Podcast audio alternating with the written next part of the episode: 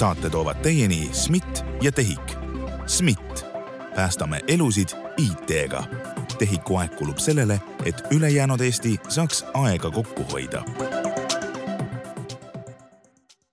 tere tulemast kuulama podcasti Kriitiline intsident, kus vaatame mootori sisse, teeme käed õliseks ehk uurime-puurime, kuidas e-Eesti päriselt töötab ja toimib. tänase saate teema, ajend, üks ajend või selline initsiatiiv, miks ma soovisin sellest rääkida, on kõik need sidekaablitega toimuv, mis on, mis on väga huvitav ja kõneainet pakkuv.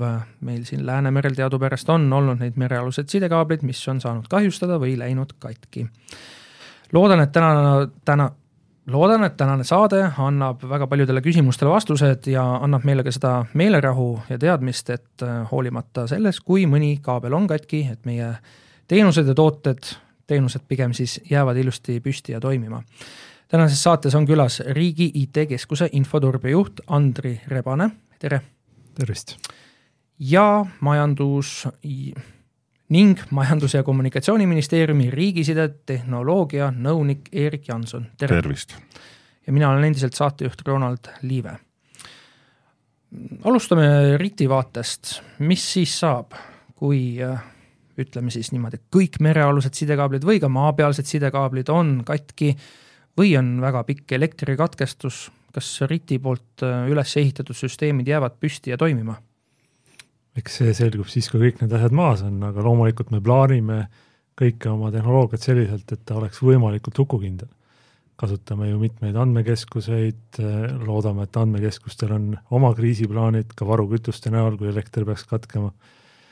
Aga eks selleks äh, päris kriisiks ei saa kunagi valmis olla, et kõik need kriisid, mis on toimunud, on mingid omapärad, nendest me saame õppida, aga alati jääb ju sisse selline ebamäärasus, milleks ei saa kunagi valmis olla. Kas te olete need situatsioonid, olukorrad mänginud päriselus läbi, et mis siis saab, kui? jaa, noh, ütleme, ma ütlekski, et kriisil on võib-olla neli etappi, üks on selline teadvustamise etapp, et äh, ma usun, et tänapäeval juba kõik asutused ja organisatsioonid on selle läbi käinud, et võib ootamatuid asju juhtuda, oli see pandeemia, sõja, põgenikekriisiga, et, et see teadvus on meil juba olemas ühiskonnas. teine etapp on siis see kriisiks valmistumine. Et äh, RIT-is meil on samamoodi tegelikult kriisi juhtimise kord, ehk siis meie inimesed tegelikult juba teavad, mida nad peaks kriisi korral tegema, nad oskavad triaaži teha, kui oluline see asi on, nad oskavad õigeid inimesi leida, ehk siis äh, kogu see süsteem on välja töötatud. ja, ja sealt kolmas etapp ongi see harjutamise osa, ehk siis äh, õppused, koolitused ja, ja meie olemegi täna sellises faasis, kus me tegelikult üsna aktiivselt tegelikult tegeleme kogu selle kriisihaldusega ehk siis need õppused toimuvad äh, või noh, on toimunud või varsti kohe toimumas, mis, kus mängitakse läbi ka? on toimunud ja tuleb veel, sest äh, ega neid kriise võib olla erinevaid ja tegelikult iga õppus ongi erineva stsenaariumiga. ja need ei ole ainult meie õppused, me tegelikult ju osaleme ka teistel riigiasutuste õppustel, on see siis RIA või, või mõni muu riigiasutus.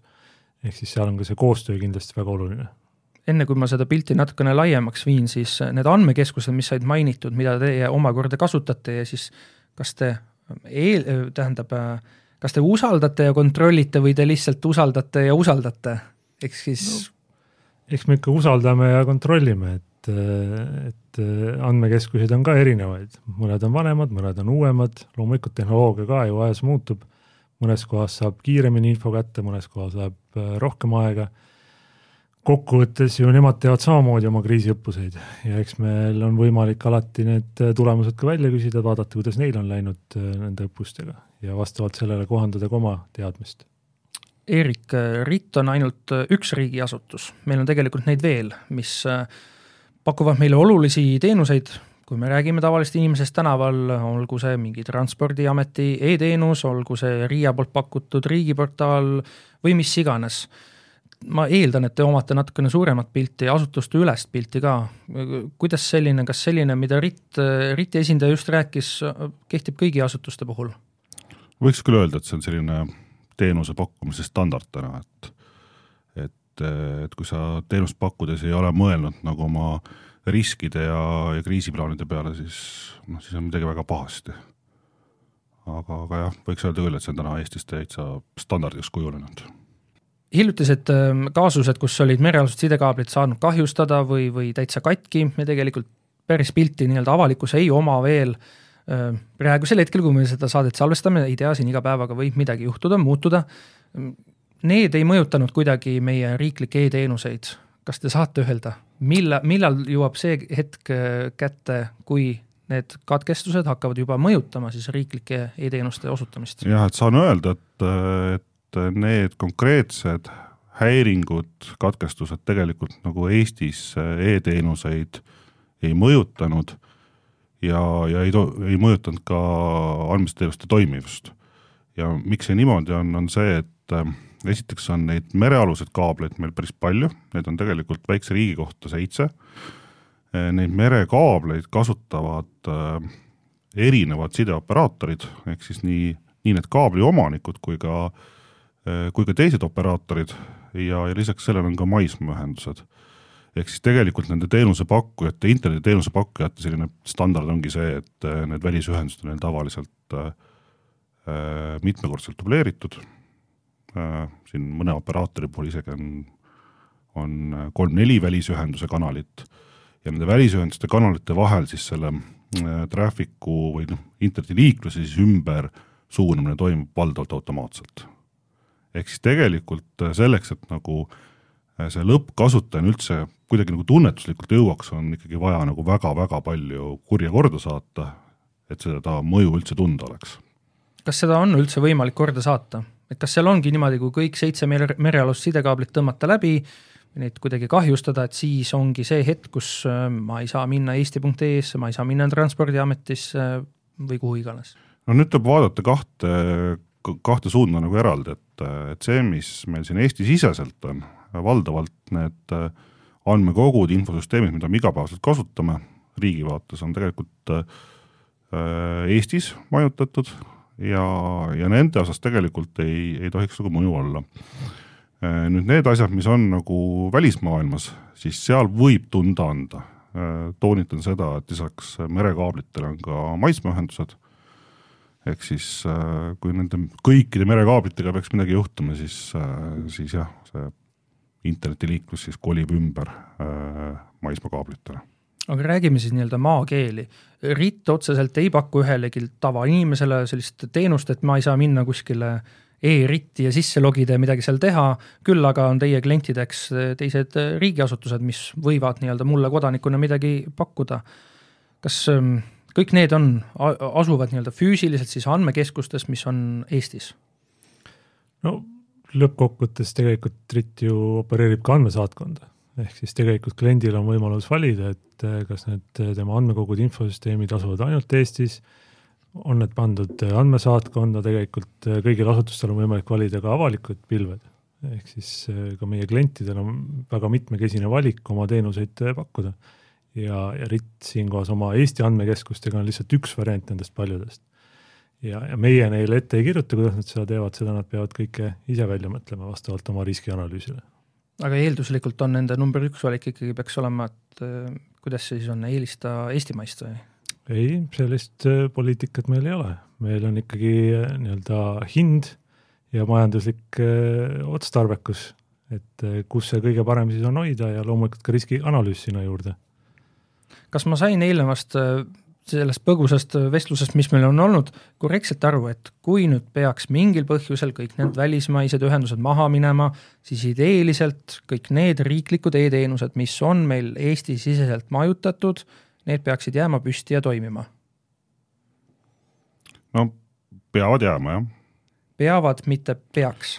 Äh, arvestama peab sellega, et äh, päris palju on ristsõltuvusi, et meil nagu tegelikult täna nagu internet ja, ja need igasugused infosüsteemid ei ole enam nagu sellises nagu riigis kinni, noh, konkreetses asukohas, et äh, erinevad infosüsteemid äh, kasutavad tihtipeale adaptereid, mis ei, ei tarvitse alati Eestis asuda.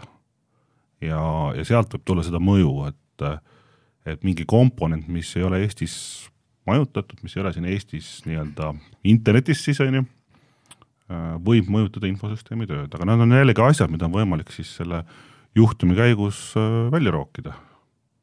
kas on toimunud sellist suurt, suurejoonelist asutuste ülest kriisiõppust, mis äh, mängikski läbi selle olukorra, et kui on mitu asutust korraga, kõik on maas, sest me teame, et meil on olemas selline asi nagu küberreserv, mis tähendab seda, et kui ühel asutusel on jama majas, saab paluda abi teiselt, teise asutuse käest. aga kui meil juhtub nii, et kõigil on jama majas, ega siis ju ei saa abi enam saata. no eks sellist õppust on kindlasti ka keeruline korraldada, et kus kõik on järsku mõjutatud, et äh, jah, meil on äh, olnud selliseid äh, väiksemaid, äh, ka päris juhtumeid ju teenustõkestusrünnete puhul, kus ikkagi mitu asutust on korraga pihta saanud. Aga ma arvan, et me täna ei ole veel ühtegi sellist lävendit ületanud, kus meil tegelikult oleks olnud kriis, kus me peame omavahel hakkama inimesi vahetama ja seda ressurssi ringi jagama riigisiseselt, et mingite rünnakutega näiteks toime tulla. ja, ja seda ka harjutada on kindlasti üsna kallis ja keeruline tegelikult see andmesaatkond, mis korra sai mainitud, äh, kas see toimib endiselt äh, samal põhimõttel, mis ta varasemalt on toiminud või on seda muudetud selles mõttes, et ükski e-teenus sealt reaalselt, äh, reaalajas ei toimi ju või kuidas? täna veel ei toimi, aga plaanid on ikkagi olemas, et seda nii panna tegema. kas need plaanid on viimase kuu aja jooksul kuidagi saanud uut hoogu sisse? vot sellele vastuse ma jään küll võlgu. riigiside kui lugeda seadust, siis on üsna lühidalt seda kõike seal kirjeldatud, seal oli kolm põhikomponenti on üles loetletud ja see on kõik. kas see ongi nii või on seal midagi veel taustal, mida me tegelikult ei tea? no, riigiside on jah, tegelikult selline laiem, laiem valdkond, et äh, tegeleb ta siis äh, andmesidega, siis äh, turvaliste telefonidega, lisaks turvaline positsioneerimise ajateenus, operatiivraadioside võrgud, äh, mereside ja, ja siis ka igasugused tulevikutehnoloogiad, mis siis äh, peaksid meie äh, sellist turvalisust hakkama tagama siis, kui näiteks kvantarvutid peaksid jõudma sellisesse faasi, et nad on ka kurjategijatel olemas. et tegelikult, mis tegemist on tegelikult väga laia valdkonnaga ja ja, ja riigiside nagu eesmärk ongi tegelikult see, et olla valmis kriisideks. Muidu seda vaja ei oleks ju tegelikult. kogu seda riigiside valdkonda arendab äh, asutus, mille lühendiks on RIKS, kas ähm, see, et teie ametinimetus on, et te oletegi riigiside tehnoloogia nõunik, tähendab seda, et äh, teie siis annate MKM-i poolt neile nõu, et kuidas nemad peaks riigisidet arendama või kuidas see välja näeb? tegelikult neid asutusi on rohkem et ja RIKS on üks nendest põhilistest asutustest, äh, lisaks sellele on meil olemas riigivõrk, mida, mis täna on siis Riigi Infosüsteemi Ametis, äh, lisaks on Siseministeeriumi Infotehnoloogiakeskus, kes tegeleb siis olemasoleva operatiivraadioste võrguga ja, ja tegelikult ka RIT, ehk siis ka RIT-is on neid komponente, mis on osa riigisidest ja täna lihtsalt on see olukord, kus nad on asutuste vahel laiali kui me nüüd, ähm, see, kui on midagi halba juhtunud, see, kas mina pääsen nüüd ruttu kodanikuna eesti.ee-sse või Transpordiameti e-teenindusse, et vaadata, kas mu juhiluba kehtib, see on täiesti teisejärguline, see pole oluline. oluline on pigem just see operatiivraadioside, mis käis läbi meil siin. kas ähm, selles osas see süsteem on kogu aeg esimesest päevast alates niimoodi arendatud, et ütleme siis suurema elektrikatkestuse korral ta jääks ikkagi püsti ja toimima? Teda on aegade jooksul aina paremaks arendatud ja tegelikult nüüd viimaste aastate kriisides, kus on siis, äh, oli see Lõuna-Eesti torm, äh, Saaremaal toimunud äh, massiivsed elektrikatkestused, siis tegelikult on, on nendes kohtades operatiivraadioste võrk olnud ainus võrk, mis tegelikult sada protsenti toimib. et sinna on palju investeeringuid tehtud ja täna võib öelda, et see on, on tõesti üks, üks kindlamaid võrke Eestis üldse. tulen oma üle-eelmise küsimuse juurde tagasi, ehk siis teie ei anna ainult nõu mitte RIKS-ile, vaid tegelikult suhtlete kõigi nende üles loetletud asutustega. milli-, millist nõu te olete siis RIT-ile andnud? RIT ju käib ikkagi kogu selle kontseptsiooni alla, et me oleme mm -hmm. seal laua taga, kus räägitakse laiemalt, mida tehakse ja meie nopime sealt selle osa välja, mis on meie teenusega seotud mm. -hmm eks meil on ju kaks põhiteenust, üks on riigipilv, teine on riigi arvutitöökoht. meie ei peagi operatiivraadiosidet tagama. tead, ma soovitaks seda ära, sest nõunik on tegelikult, vaata kui sa vaatad Vikipeediast järgi, mis nõunik tähendab, siis see on nagu väga, väga lai mõiste, on ju. pigem ongi nõunik teatud valdkonna juht lihtsalt, on ju. et võib-olla tasuks selles mitte jääda sellesse nõu andmisesse, vaid äh, tegelikult see tööülesanne ongi ju kogu seda riigisid kokku vedada, juhtida.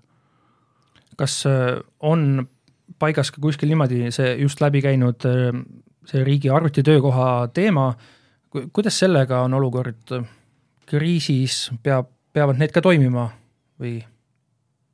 absoluutselt, et lõpuks peavad toimima äriprotsessid ja tõenäoliselt see sülearvuti, mida me siin kasutame, on üks selle protsessi osa. ja, ja nüüd ongi, et kuidas siis äh, kõiki neid teenuseid sealt kasutada saab, et äh, kas need on üle wifi võrgu, üle 4G, et äh, RIT-i tagada on see, et see toimepidevus nendes kohtades toimiks. loomulikult seda ei saa lõpuni teha, aga meie saame vähemalt oma keskse süsteemi selliselt arendada, et võimalikult hukukindel oleks see. miks me neid riigi side Äh, teeme, miks me teeme riigi pilveteenuseid ja riigi arvutitöökohta, ongi see, et äh, et riigil on äh, force majeure olukordadeks oluliselt vähem võimalusi. et, et erasektoris noh, ikkagi see force majeure olukord tuleb ikka oluliselt varem kui riigis, me ei saagi riigis seda praktiliselt lubada, kodanikud ei anna seda andeks lihtsalt. eks see ongi see põhjus, miks me teatud teenuseid teeme, teeme riigis keskselt ja otse loomulikult kasutame seal erasektori kompetentse ja komponente nii palju kui võimalik, aga aga see töökindlus ikkagi tegelikult tulebki kokku sellest, et et me kombineerime siis erinevaid, erinevaid võrke, erinevaid taristuid, erinevaid serverplatvorme ja nii edasi Nende arvutitöökohtadega on ju see, et äh, see arvuti ise võib ju toimida, aga kui seal pole internetti, siis pole sellega midagi teha. ja siin tulebki mängu see juba läbi käinud riigivõrk ka. kuidas äh, sellega on, et selle toimipidavus tagatakse? mulle meenub äh, üks artikkel mõni aasta tagasi, et mõni hiireke või rotikene seal ühe kaabli sõi ära. kas nüüd on ta vastupidavam? ja amet riigivõrgus või üleüldse laiemalt sidevõrkudes, ega me nende väliste loodusjõudude vastu ikkagi lõpp, noh, lõpuni ei saa. ehk siis kaablikanalisatsioonis ikkagi need äh, halvemal juhul need äh, hiired rotid sinna satuvad äh,, mis on kõige parem rohi selle vastu, on tegelikult nende ühenduste dubleerimine. ja, ja riigivõrgu toimepidevus nüüd viimase paari-kolme aastaga on tegelikult oluliselt nagu paranenud. Me oleme panustanud oluliselt dubleerimisse ja, ja ühe suure projektina ka sellesse, et, et riigivõrgu äh, sõltuvus elektrienergia olemasolust on ka äh, ikkagi viidud sellele tasemele, et, et riigivõrk oma olulisemates punktides suudab kesta umbes kolm korda kauem kui kommertstelkod ja tulen ka selle väite juurde tagasi, et noh, arvutist pole kasu, kui internetti pole, tegelikult võib olla küll, et kui sul see kriisiprotsess on ikkagi nii üles ehitatud, et ilma internetita saad oma käskkirjad või dokumendid valmis teha, need välja trükkida siit kohalikust printerist või kohalikust arvutist, siis tegelikult ju protsess jääb käima. et see arvuti võib olla väga kasulik ka ilma võrguta. meil tegelikult nendes äh, ka side sellistes toimepidevuse plaanides ju tegelikult kõige viimane võimalus ongi see, et on käskjalg, virgatus kes võtabki nüüd selle arvutis tehtud äh, dokumendi mälupulga peal ja transpordib selle õigesse kohta. ja just mälupulga peal, mitte füüsilisel kujul välja prindituna. no täpselt, täpselt nii, nagu äriprotsess on nii, ette näinud. just. see on tegelikult viimane võimalus, meil on tegelikult noh, päriselt ka nendes äh, kriisiplaanides ka see kõige viimase sammuna olemas olles nii-öelda, julgen enda kohta öelda noorema põlvkonna esindaja, siis äh, Ehm, ma loodan ja soovitan, et see on ka õppuste raames ehm, läbi mängitud, et, et see, kes seda siis dokumenti kohale veab, et tema ka nagu mõistaks, kuidas kogu selline süsteem ka toimib ja töötab. no eks see on äh, väljakutse paljudele, et äh, leida kasvõi see inimene, kellel tänapäeval näiteks juhiload on, et ja ega me ei tea ju, kas kriisis me saame kütuse kätte, kui elektrit ei ole ja, ja kõik need muud aspektid aga eks see on ka olukord, mida on tegelikult nagu väga keeruline lõpuks simuleerida. Äh, see, millele sa tegelikult enne viitasid, ongi ju probleem on ju selles, et Eestis tegelikult sideteenused on väga heal kvaliteedil ja toimivad väga hästi. ja see on kohati tekitanud ka tegelikult sellise nagu tunde või arusaama, et side on enesestmõistetav asi, mis nagu kusagilt õhust tuleb ja see ei lähegi kunagi katki. ja siis, kui nüüd ongi väiksemaid tõrkeid, siis tuleb välja, et, et ongi maailm läbinud. selle riigiside puhul või riigivõrgu puhul sai, sai mainitud, et, et ta püsib siis kauem kui need kommertsteenused, kuidas see saavutatud on? panustame toitelahendustesse. ehk siis tagavaratoide on olemas? tagavaratoide jah, on ta siis akud, generaatorid, erinevate lahenduste kombineerimine, võrgus dubleerimiste tegemine, et, et see ei, jah, ilmtingimata ei tähenda seda, et võrk sada protsenti jääb püsti, aga aga need äh, kriitilised punktid on, on need, kus me teeme kõik selleks, et seda sidet tagada. ja sinna juurde ka see, et tegelikult nendel kriitilistel riigiteenustel on, äh, on ka dubleerivad ühendused kommertstelkodelt. jällegi, see kombineerimine, dubleerimine erinevate sideliikidega on see, mis, mis aitab lõpuks.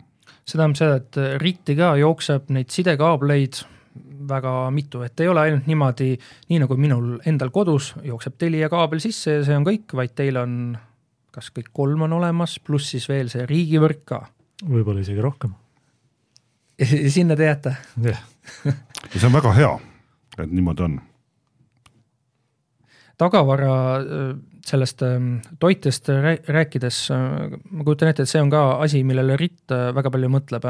kas, ähm, kas te saate ka neile küsimustele vastata?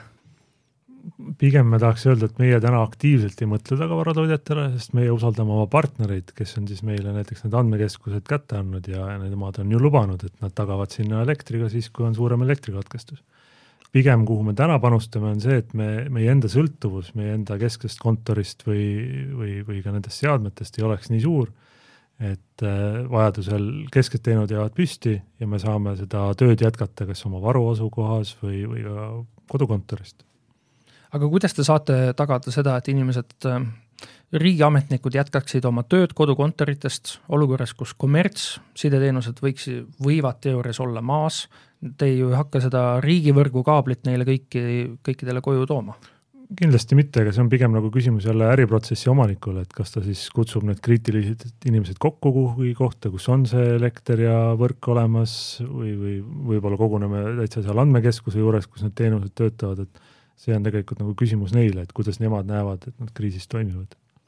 oluline on ka valikute tegemine, et äh, võib-olla kõik teenused ei peagi kriisis toimima.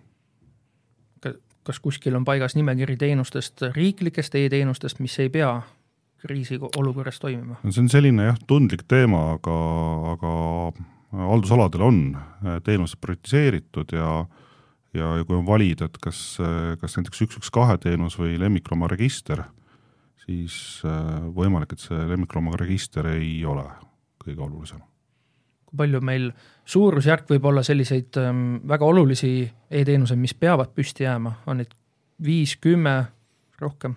No ütleme, et noh, küsimus on, et kas püsti või andmed peavad säilima, et ütleme, andmesaatkonna mõte on ju olnud see, et andmed säiliksid ka siis, kui Eesti riigiga midagi juhtub. nüüd ongi küsimus, et kui pikka katkestust me saame endale lubada nende teenuste toimimises. Ma arvan, et tegelikult päris paljude teenuste puhul äh, võib see olla päris pikk aeg, et kui me võtame ka RIT-i enda veebilehe, siis ega meie veebilehe maasolekust ei juhtu nagu midagi, noh, mainekahju tõenäoliselt on, aga kuna ühtegi e-teenust sealtkaudu kodanikule ei pakuta, siis ega ta tegelikult nii kriitiline ei ole. loomulikult on kriitilisem, et see riigipilv või riigi arvutitöökoht töötaks. ja ma arvan, et tegelikult enamikel asutustel on täna selline plaan olemas, kui mitte nii-öelda kinnitatud kujul, siis kuskil Excelis on ikkagi oma teenused kirja pandud, ka selle raames, kui nad on H-i rakendanud ja nad ikkagi oskavad valida sealt neid kriitilisemaid välja. kuidas sinna andmesaatkonda uute andmete edastamine välja näeb? Ma arvan, et sellele me ka ei vasta siinkohal. kas see on üle interneti või on see kuidagi füüsilisel moel? no tänapäeval ikkagi tuleb asjad automaatseks teha et äh, füüsiliselt on nagu raske neid asju teha. tuues äh, enda isiklikust elust näite, vähemalt koduses situatsioonis kõvakettas on alati järgi, teeb back-up'e, kas andmesaatkond, põhimõte, loogika on analoogne või on seal midagi keerulisemat mängus? suures plaanis on ta analoogne. Ja siis on mingi teatud äh, ajaline intervall, et mille tagant neid tehakse back-up'e siis? no täpselt nagu tavaliselt back-up'e tehakse, mingi, kas see on igapäevased koopiad, kuised koopiad, et seal on oma protsessid taha ehitatud ja, ja neid ka kontrollitakse, et need töötaks. aga kui meie vestlusest on juba käinud läbi mitu erinevat asja, millest te ei soovi või ei saa rääkida, siis äh, toome sisse uue teema, millest kohe kindlasti väga palju detailselt saate rääkida. RIKS on pea kaks aastat vedanud projekti, mis varustaks siis riigiasutusi satelliitsidel põhineva andmesideteenusega. see on tulnud tegelikult meil siin küll nüüd selle valg-, selle viimasel kuul ajal, ütleme niimoodi, siis toimunu ka uuesti esile. RIKS-i juht ütles ka, et see on väga hea näide sellest, et miks seda projekti üldse vaja on. Kui kaugel see projekt on? Äh, projekt on sealmaal, et äh, meil on praegu väljas üks hange, kus me siis tegelikult äh, ostame päris suure koguse satelliitside seadmeid, mis tegelikult lähevadki siis riigile oluliste teenuste toimepidevuse tõstmiseks meil on täna teatav satelliitide võimekus olemas, nüüd me seda kasvatame. See projekt on iseenesest pikem, ehk siis lähema kahe-kolme aasta jooksul laiendame seda satelliitside võimekust veelgi. Te mainisite, et, et praegu on juba võimekus on mõnel määral on olemas, mida see tähendab? kas see tähendab, et sellest hankest olenevalt, olenemata jaa, satelliitsidega mõned... on tegelikult tegeletud päris pikka aega ja kasutame nii satelliittelefone kui ka satelliitandmiste seadmeid. Siin on üks oluline trigger see, et, et äh, satelliitside teenuseid on ka tegelikult nüüd viimase aasta jooksul juurde tulnud. et kui selle projektiga alustati, siis satelliitside teenuste valik ei olnud teab mis suur, viimase aasta jooksul on siis tegelikult neid madala orbiidi teenuseid, kus siis on suur riba, ribalaius ja, ja madal latents on tulnud päris mitu tükki turule, neid tuleb veel juurde. Euroopa ise arendab ka enda äh, sellist äh, turvalisemat äh, satelliitside teenust, mis tuleb välja aastal kaks tuhat kakskümmend seitse. ehk siis see valdkond äh, tegelikult areneb hästi kiirelt ja, ja me käimegi selle valdkonna arenguga selles mõttes kaasas, et et nii kui tekib turule nagu äh, uusi laiemaid võimalusi, siis me neid ka koheselt siis äh, katsetame ja, ja vaatame, kuidas neid saaks kasutama hakata. kas selle hanke väliselt on RIT juba endale ostnud selle ütleme siis satipanni, millega võtta see mm, taevast tulev internet vastu? meie ei ole ostnud satipanni, et äh, me ikkagi vaatame seda keskselt, et äh, meil endal nii-öelda seda võimekust ei ole ja siin me loodamegi RIKS-i pädevusele, et äh, läbi nende siis tekitada nii-öelda see keskne võimekus nii endale kui ka siis klientidele, kes lõpuks seda soovivad ma saan aru, et kui on vaja edastada üle satelliidi mingi noh, digiallkirjaga dokument, see on nagu väga tehtav ja niimoodi, aga kui tuleb mängu taaskord see andmesaatkond, ega sinna neid sadades või terabaitides andmeid ei saada ju. jah, selleks kahjuks satelliitlink ei ole kõige, kõige sobilikum. ja selleks jääb töösse seesama lahendus, mis siis praegu on? jah aga seal tuleb jälle vaadata, et milliseid teenuseid on otstarbekas läbi satelliidi lükata, milliseid mitte ja neid tulebki nendes plaanides tegelikult arvestada, et võib-olla siis ongi mingi hulk teenuseid, mis kukuvad välja juba sealt nimekirjast ja alles jäävadki näiteks need kakskümmend protsenti, mis on kõige kriitilisemad ja neid me siis kasutame läbi satelliidi. kuna mul ei ole praegu seda riigihanget ees, ma ei tea, mis seal detailid on, siis ma saangi küsida kohe, et kas seal on ka mingid piirangud, et millised ettevõtted osaleda saavad, kas seal peavad olema NATO liikmesriigi, mm, NATO liikmesriigis registreeritud ettevõtted või on seal see valik laiem? Äh, jah, et äh, me ikkagi saame valida nende seast, äh, keda meil täna turul on võimalik kasutada, aga jah, nende piirangutega, et tõepoolest, et et see peab olema siis EU, NATO liikmesriikidest et vastasel juhul võib-olla see satelliitsideteenus ei ole kõige mõistlikum meile lihtsalt. üks satelliitsideteenus, mis ei ole mõistlikuks osutunud Ukraina näitel, on äh, tegelikult meie ju liitlase pool tegutsev äh, siis ähm, Starlinki äh, lahenduse. kas see on selle hanke puhul välistatud? me otseselt ei välista selliseid variante, et jaa, Starlinkil on olemas alternatiivid me vaatame kõiki neid teenuseid selliselt, et äh, ühes või teises stsenaariumis on nad kõik tegelikult, äh, võivad osutuda vajalikuks meile. me siin otseselt ei välista. ja see on siis hindamiskomisjoni enda otsustada, et äh, meil on neid... hindamiskriteeriumid selle jaoks, jah. aga me vaatame laia spektriga, et ikkagi, et me ei, ei satuks sellisesse lukustusse siis nagu ühest teenusepakkujast, et seetõttu ongi siis laual mitmed teenusepakkujad ja, ja loodan väga, et neid tuleb siia regiooni juurde. ja kui RIT saab selle saate satipanni kätte, kas te mängite siis kohe esimesel päeval läbi sellise situatsiooni, kus kõik nagu füüsilised kaablid, mis tulevad teile majja ja kõik muud varuvariandid, mis seni on kasutusel olnud, on nüüd maas ja nüüd peategi hakkama seda satelliiti peal olevat ühendust kasutama? Võib-olla mitte esimesel päeval, aga kindlasti, kui see meile tuleb, siis see on pigem kuude küsimus, et me saame selle oma protsessi integreerida ja, ja läbi harjutada. kas te näete, et see on nagu selline selline lahendus, mis peaks nüüd täna, kahekümne esimene sajand on niikuinii, aga praegu on aasta kaks tuhat kakskümmend kolm, et, et me ei saa sellisest satelliitpõhisest ühendusest enam mööda vaadata? Vaadates, mis on maailmas toimunud, siis ma arvan, et ta on väga hea alternatiiv tavalisele sidele. Ja, kindlasti peaks teda proovima ka sinna kriisitegevustesse integreerida, et tõesti, kui kõik muu ei tööta, siis äkki see töötab. Aga see kehtib tegelikult ju kõigi muude ühenduste kohta ka, et, et me peaksime olema valmis kõiki katkestusteks, võib-olla ka satelliit on katkestunud või, või on seal selle tootjaga midagi juhtunud, et lõpuks me peame olema valmis, nagu Erik ütles, ka virgatsiteks. Ja tõenäosus, et kõik need sidekaablid, mis tulevad meil riigiasutustesse sisse, pluss siis riigivõrk ja, ja siis veel see satelliidil olev lahendus, et kõik need oleksid maas, tegelikult see on üsna väike, et see tõenäosus on, on väga väike, aga jällegi, miks me seda satelliitside teenust teeme, me oleme valmis ka selleks olukorraks. ja nagu me oleme näinud, siis need ebatõenäolised sündmused on väga tõenäoliseks osutunud viimasel, viimastel aastatel just. Kas need ebatõenäolised sündmused, mis on osutunud reaalsuseks, on teie kahe tööd igapäevases mõttes mõjutanud? ma julgeks öelda, et ei ole mõjutanud, sest et äh, kui vaadata seda, millega me oleme viimast aastat tegelenud, mina küll jah, tõepoolest riigis olen olnud äh, natuke üle aasta, aga, aga ma julgeks küll öelda, et et kõik need asjad, millega ma viimase üks pluss aasta jooksul olen tegelenud, on kõik olnud selleks, et olla sellisteks kriisideks valmis.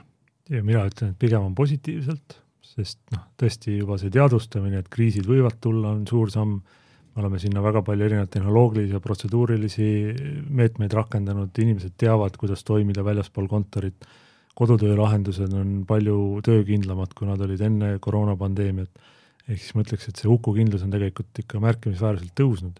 Ja kõigi nende projektidega, mis siin kas või satelliitside ja kõige muuga tehakse, see tõuseb järjest veel. Ehk siis see teadlikkus kogu riigi tasemel on nii palju tõusnud, et me panustame lihtsalt nendesse lahendustesse rohkem jah, me oleme omavahel siin vahest naljatamisi öelnud, et ärme lase head kriisi raisku minna, et, et teeme veel paremini nüüd. kas teile tundub, et me ei ole head kriisi raisku lasknud, sest et noh, olles käinud konverentsil, inimestega kohtunud, siis mulle on hakatud viimasel ajal ütlema, et, et me kuidagi ikkagi oleme natukene mugavaks läinud. mugavaks mille suhtes? No üldises mõttes, et kui, kui oli eelmise aasta kahekümne neljas veebruar, siis oli kõik kuidagi, märkasid, okei okay,, me peame nüüd tegema seda, me peame riigipilvega seda tegema, teist tegema, me peame võtma välismaised pilveteenused kasutusele. Ja nii edasi. meil kuidagi on nagu vaikselt soiku jäänud see teema ikkagi. Mina näen, et asutused ikkagi aktiivselt tegutsevad, mõni on loomulikult kaugemal, mõnel võtab see rohkem aega, aga ma arvan, et väga paljudel on ikkagi see plaan läbi mõeldud, kuidas seda teha, kas või saartalitluse korral või vastupidi, et äh, pilve kolida.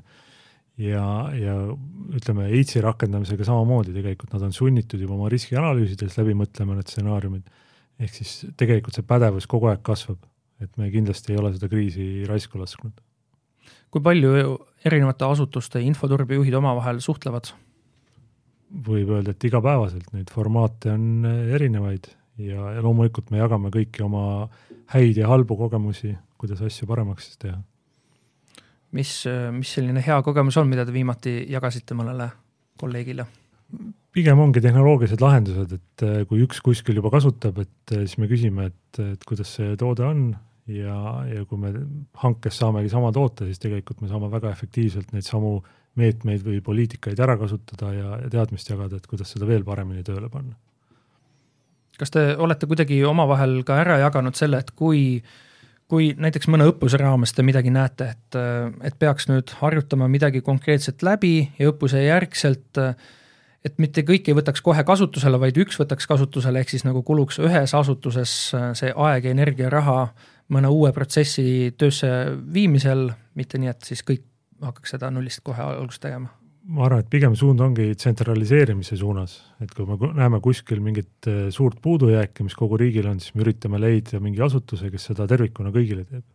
vahet pole, milline IT-asutus see lõpuks on, RIT, RIA või, või, või neid IT-asutusi on ju veel terve hulk no pluss veel on meil erinevaid formaate, kus ikkagi tegelikult neid kogemusi jagatakse ja lesson, lesson learned'st on nagu tegelikult pidev teema nagu, et et kui keegi on kusagil midagi ära nii-öelda proof of concept'ina teinud, siis, siis see info ikkagi tegelikult liigub päris hästi, et et teised ei läheks sama ämbrit kolistama või siis, või kui on eduelamused, siis päriselt ka teeme suuremalt ja teeme tsentraalselt siis juba. Neist äh, RIX-i teenustest sai täna kõige rohkem aega kulutatud siis sellele satelliitside lahendusele, üks, mis käis veel läbi, mille, mille kohta ma ei tea, mina ei tea vist mitte midagi, ei ole varasemalt vist kuulnud, turvaline positsioneerimise teenus, mis asi see on? Äh, turvaline positsioneerimine aeg, et äh, täna tegelikult siis ju mm, autoga ringi sõites äh, koordinaat kui ka siis täpne kellaaeg, mille najal tegelikult kogu e-riik püsib, põhineb siis satelliitside või noh, satelliitidelt tulevalt koordinaadilt ja kellaajalt, et et nende teenuste areng on seotud kahest aspektist, et esiteks on see, et, et satelliidid on tegelikult ikkagi ka häiritavad, see on küll tehniliselt keeruline, aga siiski võimalik. Ja, ja teiseks äh, on seda ka Euroopas väga selgelt teadvustatud, ehk siis Euroopa arendab äh, turvalist äh, positsioneerimise ajateenust, nimetatakse seda Galileo PRS-iks. lisaks sellele me vaatame Eestis ka selle poole, et, et kuidas kellaaega ja ajasagedust paremini hoida, juhul kui peaks olema siis olukord, kus kas satelliidid ei ole nähtavad, on andmesideteenustega probleeme, et et, äh, et siin on päris palju arenguid nüüd lähiaastatel tulemas. ja see projekt on töös olnud kui kaua? Äh, nüüd Galileo PRS kui ka siis selline täpse kellaaja infrastruktuuri areng on olnud viimased poolteist aastat. Ja millal jõuab kätte see aeg, kus see saab valmis? Äh, mis puudutab seda PRS teenust, siis see on ka pigem seal aastal kaks tuhat kakskümmend kuus, kakskümmend seitse, aga näiteks aatomkella infrastruktuur Eestis tõenäoliselt näeb juba ilmavalgust järgmisel aastal suured tänud äh, Riigi IT-keskuse infoturbejuht äh, Andri Rebane ning Majandus- ja Kommunikatsiooniministeeriumi riigisidetehnoloogia nõunik Erik Janson. nagu te kuulsite, head kuulajad, siis äh, saime osadele küsimustele vastused, osadele ei saanud, aga seda meelerahu et on mõeldud olukordadele, mis ei pruugi kõige meeldivamad ja paremad olla ja mis ei too meile naeratuse näole, on ikkagi meil siin mõeldud ja mõeldakse ka nagu me just kuulsime, nii-öelda tuleviku mõttes ka, et kui läheb veel, peaks minema halvemaks. aga elame elu ikkagi positiivses toonides ja ja naudime seda järgmist nädalat ja mina olin saatejuht Ronald Liive ning kohtun teiega uuel nädalal